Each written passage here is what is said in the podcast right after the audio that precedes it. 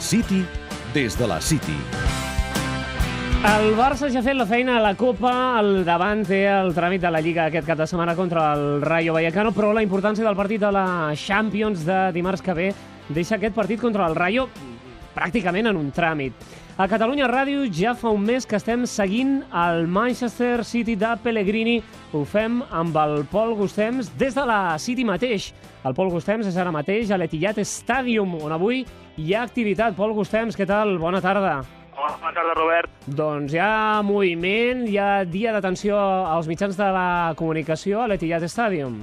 Exacte, hi ha, dia, hi ha media day aquí amb els jugadors que parlen castellà, hi ha um, David Silva, Abro Negredo, Pablo Zabaleta, estem parlant, parlant amb ells després del partit de- d'ahir, que finalment no va ser partit, perquè es va anul·lar contra el, contra el Sunderland. Uh -huh. Què és el que, el que va passar exactament? Perquè, home, se'ns fa difícil pensar que per culpa del vent es pugui suspendre un partit.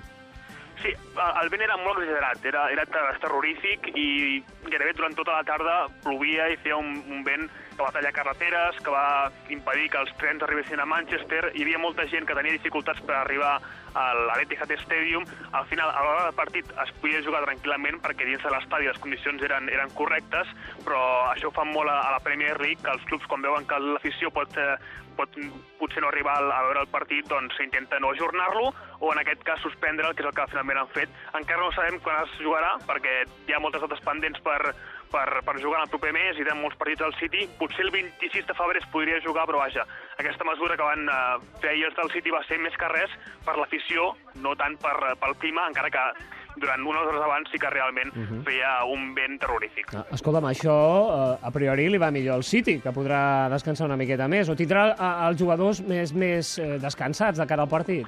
Sí, li va perfecte, perquè ahir Pellegrini pensava alinear els titulars contra el Sunderland, dissabte pensava alinear un equip alternatiu contra el Chelsea, per tant, arribaria molt justet el dimarts amb tothom eh, gairebé justet de forces, perquè recordem que hi ha jugadors lesionats com Fernandinho, Touré i Narri, però n'hi ha d'altres, com ha Touré i, i Negredo, que estaven jugant amb dolor. Negredo a l'espatlla i també Touré també a l'esquena. Per tant, eh, li va fantàstic ahir no jugar, perquè així pot tenir uns dies més per, per preparar el partit contra el Barça, segurament el dissabte posar suplents Pellegrini contra el Chelsea i arribar amb gairebé tothom descansat a les importants contra el Barça. El Pol Gustems, que ens informa des de la City i que, que no està sol, perquè avui ha arribat eh, reforços de Catalunya Ràdio, Pol. Sí, el Jordi Borda, que ahir, amb tota aquesta temporada, va tenir algun problema per aterrar, però ha arribat a ser estalvi i el tinc aquí al meu cantó. Molt bé, doncs el Jordi Borda treballant ara mateix des de la zona mixta amb el Pol Gustems són les veus de Catalunya Ràdio que ens donaran tota la informació des d'avui ja. De fet, el Pol ho està fent durant tot el mes d'aquest Manchester City Futbol Club Barcelona.